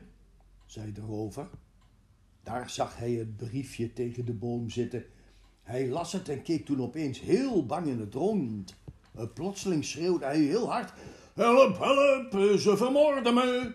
En meteen rende hij weg zo hard hij kon. Wipneus en Pim hielden hun buik vast van het lachen, maar de elfjes begrepen er niets van. Pim vertelde hen hoe het kwam dat de bandiet opeens zo bang was. We moeten er nog veel meer bang maken, zei Wipneus, en daarbij kunnen de elfjes ons prachtig helpen. De machtige Wippim zal Fomfaai en zijn bende eens even flink laten schrikken. Even later gingen ze met z'n vijven op stap. Twee elfjes, twee kabouters en het vosje. Al gauw kwamen ze op de plaats waar de tenten van Fomfaai stonden. Tussen de struiken door konden ze zien dat alle rovers bij elkaar stonden. De rover die daar juist zo hard was weggelopen, stond in het midden. Hij stak het papier omhoog dat hij aan de boom gevonden had. Ondertussen stond hij druk te vertellen. Telkens wees hij naar het bos. Ja, ja, de vos was weg. De machtige Wippim had hem zeker losgemaakt. Hij meende zelfs dat hij een grote, sterke reus had gezien tussen de bomen en die had een stok bij zich zo groot als een telefoonpaal. Angstig keken de rovers in het rond. Zou die reus misschien dadelijk niet al hun tenten komen ondersteboven gooien? Juist zoals hij het gedaan had met de tent van Van Vaai? Maar er gebeurde iets heel anders. Au! schreeuwde Von Vaai opeens. Hij greep naar zijn hoed en daar zat een grote deuk in maar op zijn hoofd kwam een grote bult tevoorschijn. Verbaasd keken de rovers naar een hoofdman. Wat was er nu weer? Vaai stond met zijn hand over de bult te wrijven. En een van de rovers pakte een propje papier op dat tegen de hoed van Von Vaai was gekomen. Het was weer zo'n papiertje van de machtige Wippim, maar binnen in het papiertje zat een steen. En zo kwam het dat het papiertje een deuk maakte in de hoed van Vaai en een bult op zijn hoofd. Een van de elfjes had de steen met het papiertje erom van Wipneus gekregen. Daarmee was ze boven in een boom gevlogen. Ze had het propje met de steen tussen de rovers gemikt, maar het was een beetje ongelukkig terechtgekomen op het hoofd van Von Vaai. De rovers durfden niet te gaan zoeken waar de steen vandaan gekomen was, zo bang waren ze geworden. Het elfje was niet in de boom blijven zitten, maar weer gauw naar beneden gevlogen. Wipneus nam een nieuw briefje, schreef er nog wat bij en draaide het weer om een steentje. Nu vloog het andere elfje naar boven, maar natuurlijk in een heel andere boom. Beneden stonden de rovers zachtjes met elkaar te praten. Opeens viel er weer een propje tussen hen in. Deze keer had het elfje mooi gemikt en niemand geraakt. Vom Fai maakte het briefje open en las... Pas op voor de wraak van de machtige Wippim. Leg alle spullen van baas Bosbes bij de boom waar de vos gezeten heeft. En pas op, ik zie jullie. Alle rovers begonnen te mopperen. Een paar stonden zelfs te schelden, maar het hielp niets. Vom Vaai commandeerde. Een van de rovers haalde het kaartje met het paard ervoor. De anderen kwamen allemaal met iets aandragen. Alles uit het huis van baas Bosbes kwam tevoorschijn. Stoelen, een tafel, bed, lamp, schilderijen, een kast, een klok, alles. Tussen de struiken zaten de elfjes en de kabouters nieuwsgierig te kijken. Toen ze zagen dat het karretje bijna vol was, liepen ze gauw terug naar de dikke boom. En daar maakte Wipneus vlug weer een nieuw briefje vast. Even later kwam de hele stoet naar de boom toe. Voorop Vom Vaai, daarachter het wagentje en daarachter de rovers. Ze hadden allemaal kwaaie zin en daarom zeiden ze niets. Vom Vaai zegt meteen dat er alweer een briefje voor hem lag te wachten. Deze keer stond erop: Pas op voor de wraak van de machtige Wippim. Dank je wel voor de spullen. Laat het wagentje zomaar staan en ga direct terug naar jullie tenten. Ga in de tenten zitten en kom er pas over een uur uit. De rover snapte er niets van. Die Wippim komt toch zeker niet toveren? Maar Von zei dat ze moesten doen wat er op het briefje stond. Intussen had Wipneus een van de elfjes weer weggestuurd om nog enkele briefjes neer te gooien in het kamp van de rovers. Pas op voor de wraak van de machtige Wippim. Blijf een uur in jullie tenten. De rovers kwamen weer in hun kamp en ze vonden tot hun grote verbazing weer de nieuwe briefjes. En ze werden toen zo bang dat de een na de ander in zijn tent kroop. En even later zat Wipneus op de bok van het karretje. Pim zat naast hem en de twee elfjes zaten op de rand van het wagentje. Het vosje liep er achteraan.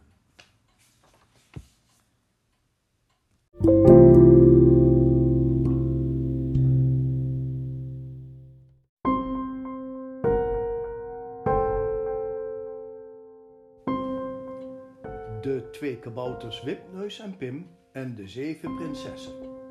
Hoofdstuk 6 Vom Vaai is op komst. Terwijl de rovers in het kamp briefjes vinden van de machtige Wippim, ontmoeten Witneus en Pim twee elfjes en een vriendelijk vosje. Een karretje met de spullen van baas Bosbes stond bij de dikke boom.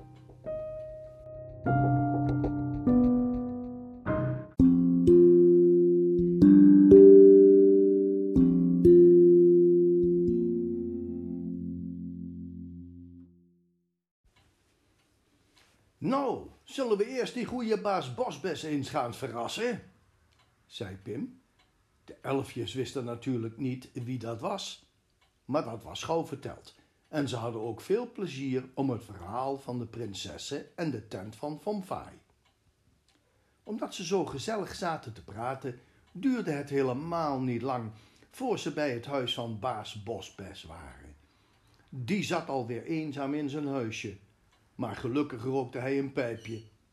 Daarom wisten Wipneus en Pim meteen dat hij bij koning Goedhart was geweest.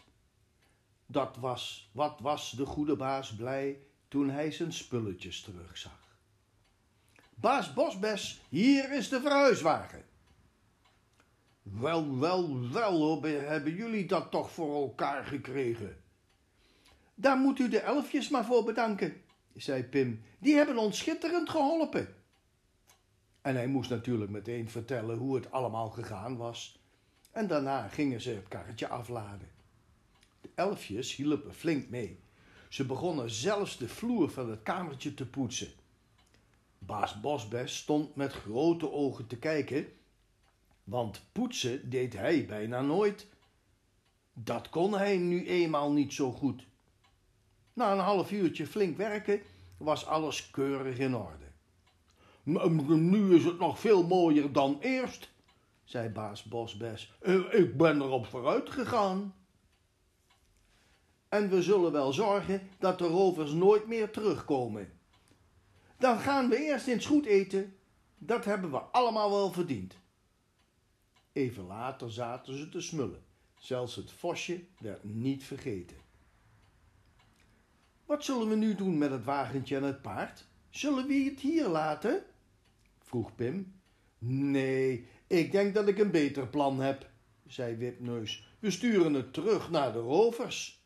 Ja, maar die hebben het zeker toch ook ergens gestolen? Luister eerst maar eens. We sturen het terug met een van de bekende briefjes erbij. Pas op voor de wraak van de machtige Wippim. Tot ziens en veel groeten. Ja, maar wat hebben we daaraan? vroeg Pim, die het nog steeds niet begreep. Wel, als de rovers hun kaartje terug hebben met dit briefje erbij, zullen ze denken dat de Wippim vertrokken is. En dan kunnen we ze vanavond lekker opwachten bij het paleis van koning Goedhart. Geweldig, vond Pim. Lang leven Fomfai en Wippim en de elfjes, riep baas Bosbes. En Bosbes, riepen de elfjes. En onze vos, riepen ze tegelijk. En toen begonnen ze allemaal te zingen. Lang zullen we leven, behalve het vosje. Dat bleef rustig knagen aan een kluifje. Na het eten maakte Wipneus het briefje klaar. Hoe breng je nu het wagentje terug? Wilde baas Bosbes weten. Je, je kunt toch niet zomaar uh, naar de rovers toe gaan brengen? Nee, natuurlijk niet. Ze zouden me vast en zeker opsluiten. Kijk, ik breng het paard een eindje weg en dan laat ik het lopen, want dan gaat het vanzelf wel naar zijn baas terug. Even later ging Wipneus op weg en Pim zat naast hem. Toen ze bij het smalle weggetje kwamen, sprongen ze van het karretje af. Wipneus maakte het briefje vast aan een riempje bovenop de kop van het paard. Fort, naar je baas, commandeerde Wipneus en hij gaf het paardje een tik met een stok. Het beestje schrok en begon te draven juist de goede kant uit. Die zal wel thuiskomen, zei Pim. Kom, dan gaan we weer terug. Ik zou het gezicht van Von Faai wel eens willen zien als hij zijn paard ziet aankomen zonder koetsier. En als hij ons briefje leest. Ze gingen weer terug naar baas Bosbes. Zullen we nu naar het paleis van koning Goedhart gaan? vroeg baas Bosbes. En willen de elfjes ook mee? vroeg Wipneus. Nee, nee, nee, wij moeten naar huis. We zijn al veel te lang weggebleven. Onze elfenkoningin zal ongerust zijn. Maar we zullen wel eens komen vragen hoe het allemaal afgelopen is. Ja, dat moeten jullie doen. Je bent altijd welkom en wij zullen zorgen dat niemand ooit nog last heeft van de rovers. Toen gaven ze elkaar een hand. De elfjes gingen de deur uit. Ze vlogen omhoog, ze draaiden een keer een rondje boven het huisje van baas Bosbes en toen vlogen ze vlug weg over het bos. De drie daar beneden bleven nog een hele tijd staan zwaaien, maar eindelijk waren de elfjes helemaal verdwenen. Nou, uh, ik zal de deur maar goed afsluiten, want ik zou niet graag um, nog eens een keer al mijn uh, spullen laten stelen. Daar hoeft u niet bang voor te zijn. Ik denk dat de rovers wel zullen oppassen, anders komt de machtige Wippim weer terug. Het werd een gezellige wandeling naar het paleis. Baas Bosbes had heel goede zin. Hij vertelde allerlei verhalen. Hij woonde al zo lang in het bos dat hij van alles had meegemaakt. Maar uh, dat ze alles van me gestolen hebben, uh, zoiets heb ik nog nooit beleefd. Maar gelukkig hebben jullie mij geholpen. Natuurlijk hadden Witnus en Pim ook heel wat te vertellen. Die hadden ook al zoveel reizen gemaakt. De oude baas schudde telkens met zijn hoofd. Hoe is het mogelijk, hoe is het mogelijk? En zo kwam het dat de weg naar het kasteel heel kort leek. Opeens zagen ze de torentjes van het prachtige paleis voor zich liggen.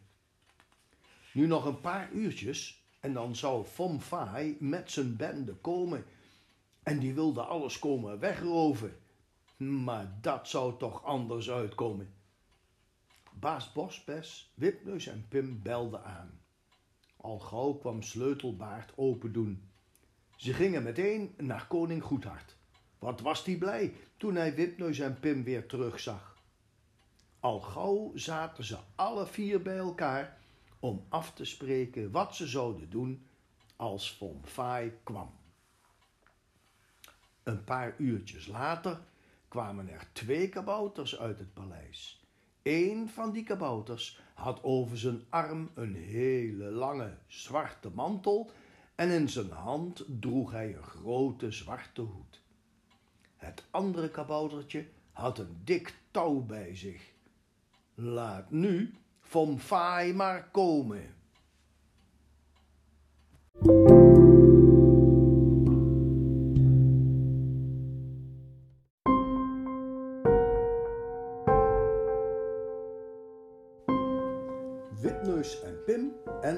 Zeven prinsessen.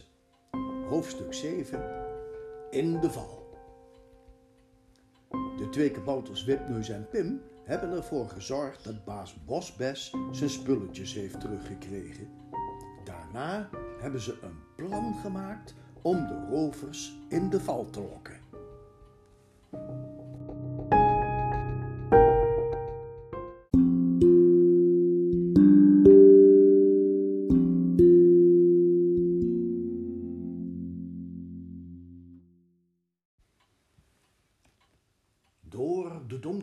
Avond trok een stoet zwarte mannen in de richting van het paleis van koning Goedhart. Ze zwegen allemaal en liepen achter elkaar. Je kon hun voetstappen haast niet horen. Heel zachtjes klonk het fomp, fomp, fomp, fomp, telkens als ze hun zware schoenen neerzetten op de zware bosgrond. Voorop liep Von Fai. Helemaal achteraan kwam het hotsende en botsende wagentje. Von Fai had zijn mannen precies verteld wat ze moesten doen. Toen ze tamelijk dicht bij het paleis waren, stuurde hij een van de mannen vooruit. Die moest bij het paleis op wacht gaan staan. Als er gevaar was, moest hij het geluid van een uil nadoen. Zo van oeh, oeh, oeh. En als het dan tien uur was, dan moest Spitsneus het geluid van een kraai nadoen. Kra, kra. En dan zou Von Vaai komen. Spitsneus was een heel kleine rover, maar ook erg slim. Daarom had Von Vaai hem uitgekozen om op wacht te gaan staan. Heel stil sloop Spitsneus tussen de struiken door. Hij hield alles goed in de gaten. Maar bij de poort en de ramen van het paleis was er niemand te zien. Het gaat goed, grinnikte hij. Die domme kabouters weten lekker nergens van. Wacht, daar zag hij een mooi open plaatsje bij die boom. Als hij daar ging staan, kon hij de hele voorkant van het paleis zien. Achter hem keken twee paar oogjes tussen de blaadjes van de struiken door. En het duurde niet lang of de oogjes begonnen te bewegen. want Witneus en Pim kropen op handen en voeten dichterbij, o zo stilletjes. Spitsneus zag niets. Hij leunde gemakkelijk tegen de boom. Er was voorlopig toch niets te doen. Maar opeens, wat was dat? Roef, daar slingerde iemand om de boom heen, een klein kereltje. Maar hij had een lang touw in zijn hand en dat touw draaide om de boom en om Spitsneus heen. Oh, riep Spitsneus heel hard. Zwijg, jij lelijke boef, klonk het heel scherp. Zwijg, of ik zal je door elkaar rammelen, zoals centen in een lucifersdoosje. Achter je staat de machtige Wippim. Nou, Spitsneus schrok zich half dood. Verbeeld je, de machtige Wippim stond daar zomaar vlak achter hem. Intussen bleef Pim steeds maar om de boom heen hollen met het touw in de hand. En Spitsneus kreeg steeds meer rijen touw om zich heen. Zijn armen, zijn benen, alles zat vast. Hij leek haast op een klosje garen. Pim hield het touw goed strak en Wipneus bond Spitsneus een blinddoek voor de ogen. En daarna nog een wollen das om de mond van Spitsneus. Ziezo, die kon niets meer zien, zeggen of bewegen. Maar nu moesten ze opschieten, het was al erg donker en het zou wel gauw tien uur zijn. Vlug trok Wipneus de zwarte mantel aan en zette de rovershoed op. Daarna plakte hij een snor op zijn gezicht. Hallo, die rover, lachte Pim. Zwijg, kleine kabouter, of ik stop je in mijn hoed. Maar het was geen tijd voor grapjes. Vlug liepen Wipneus en Pim weg tot ze dicht bij het paleis waren. Daar verstopte Pim zich en Wipneus ging vlak bij een donkere boom staan. En toen riep hij hard: Kra, kra!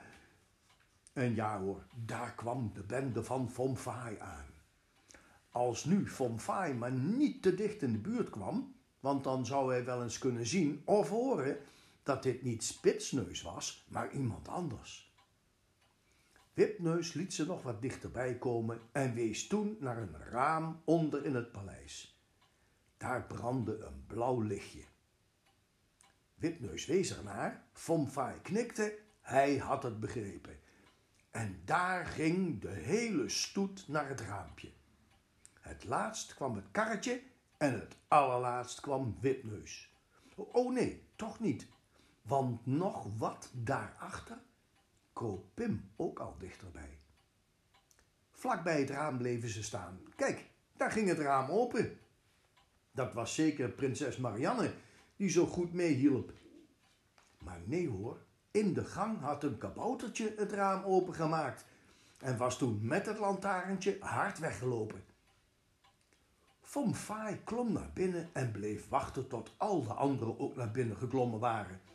Het was er pikdonker. Het laatst klom Wipneus naar binnen. Aha, daar zagen ze het blauwe lampje weer. Op hun tenen liepen de mannen door de gang en toen een smal trapje af. Juist, in de kelder lagen natuurlijk de kisten met geld van de kabouters. En toen ze allemaal het trapje af waren, gooide Wipneus opeens de zware traliedeur dicht die bovenaan de trap was. De sleutel knarste in het slot. Alle rovers zaten gevangen. Eerst hadden ze dat nog niet goed in de gaten dat ze gevangen waren. Hé, hey, spitsneus, doe niet zo flauw, maak die deur open, riepen ze. Maar toen zette Wipneus met een mooie zwaai zijn hoed af. En toen ze zijn kaboutermuts zagen, ging hun mond wagenwijd open van verbazing. En toen begonnen ze allemaal door elkaar te schreeuwen. Ze klommen het trapje weer op, begonnen aan het zware hek te trekken en te rukken, maar het hielp niets. Overal gingen nu lampjes aan. Koning Goedhart en de andere kabouters kwamen kijken naar de gevangen rovers. Vom Vaai stond met allebei zijn handen aan het tralies te trekken. Toen haalde Witneus iets uit zijn zak. Het was nog een van de briefjes. Hij stak het door de tralies en Vom Vaai pakte het aan. En toen las hij... Pas op voor de wraak van de machtige Wippim. Ja, ja, ja, kijk maar eens goed, lachte Wipneus. Hier is hij, de machtige Wippim. En hij wees naar Pim en zichzelf. O, o, o, wat keken de rovers beteuterd. Wat waren ze toch bang geweest voor twee van die kleine kaboutertjes. Uh, jullie zijn ondeugende mensen, zei koning Goedhart heel streng. In plaats van uh, te werken, gaan jullie maar roven en stelen. voor straf blijven jullie voorlopig in deze kelder. We zullen later wel eens zien wat we met jullie gaan doen. En toen gingen ze allemaal naar boven. En juist bij de eerste trap kwamen ze de prinsessen tegen. Hoera, riep Pim, daar hebben we de prinsessen. Moeten we jullie ook gevangen nemen? Alle kabouters gingen in een grote kring om hen heen staan. De prinsessen wisten niet wat er aan de hand was. Ze hadden gedacht dat ze Fomfai zouden tegenkomen en nu zagen ze plotseling al die vrolijke kabouters. Toen ze boven in de grote zaal waren, vroeg koning Goedhart. Uh, willen de prinsessen zo goed zijn te vertellen waarom ze hier kwamen om uh, alles klaar te maken voor Fomfai? En toen begonnen de prinsessen te praten. Ze waren gevangen genomen door Fomfai en ze zouden weer bevrijd worden als ze de rovers de weg gewezen hadden in het paleis. Ja, ja, zei koning Goedhart. Maar als we nu eens niet ontdekt hadden uh, wat jullie hier eigenlijk deden, nou, dan, dan was ons hele paleis misschien leeggestolen. En toen begonnen de prinsessen allemaal te huilen. Nou, nou, bromde de koning, ga nu maar niet huilen. we zullen jullie wel weer laten gaan, maar zorg maar dat je nooit meer gevangen wordt. Dan hoef je ook nooit meer een week lang je mond te houden in mijn uh, paleis. En zo kwam het dat de volgende dag de zeven prinsessen weer werden vrijgelaten. Ze liepen blij weg en ze praten alle zeven tegelijk. Maar de rovers, die bleven nog lang gevangen zitten in de kelder. En de koning hield met zijn kabouters een groot feest ter ere van de machtige Wippim.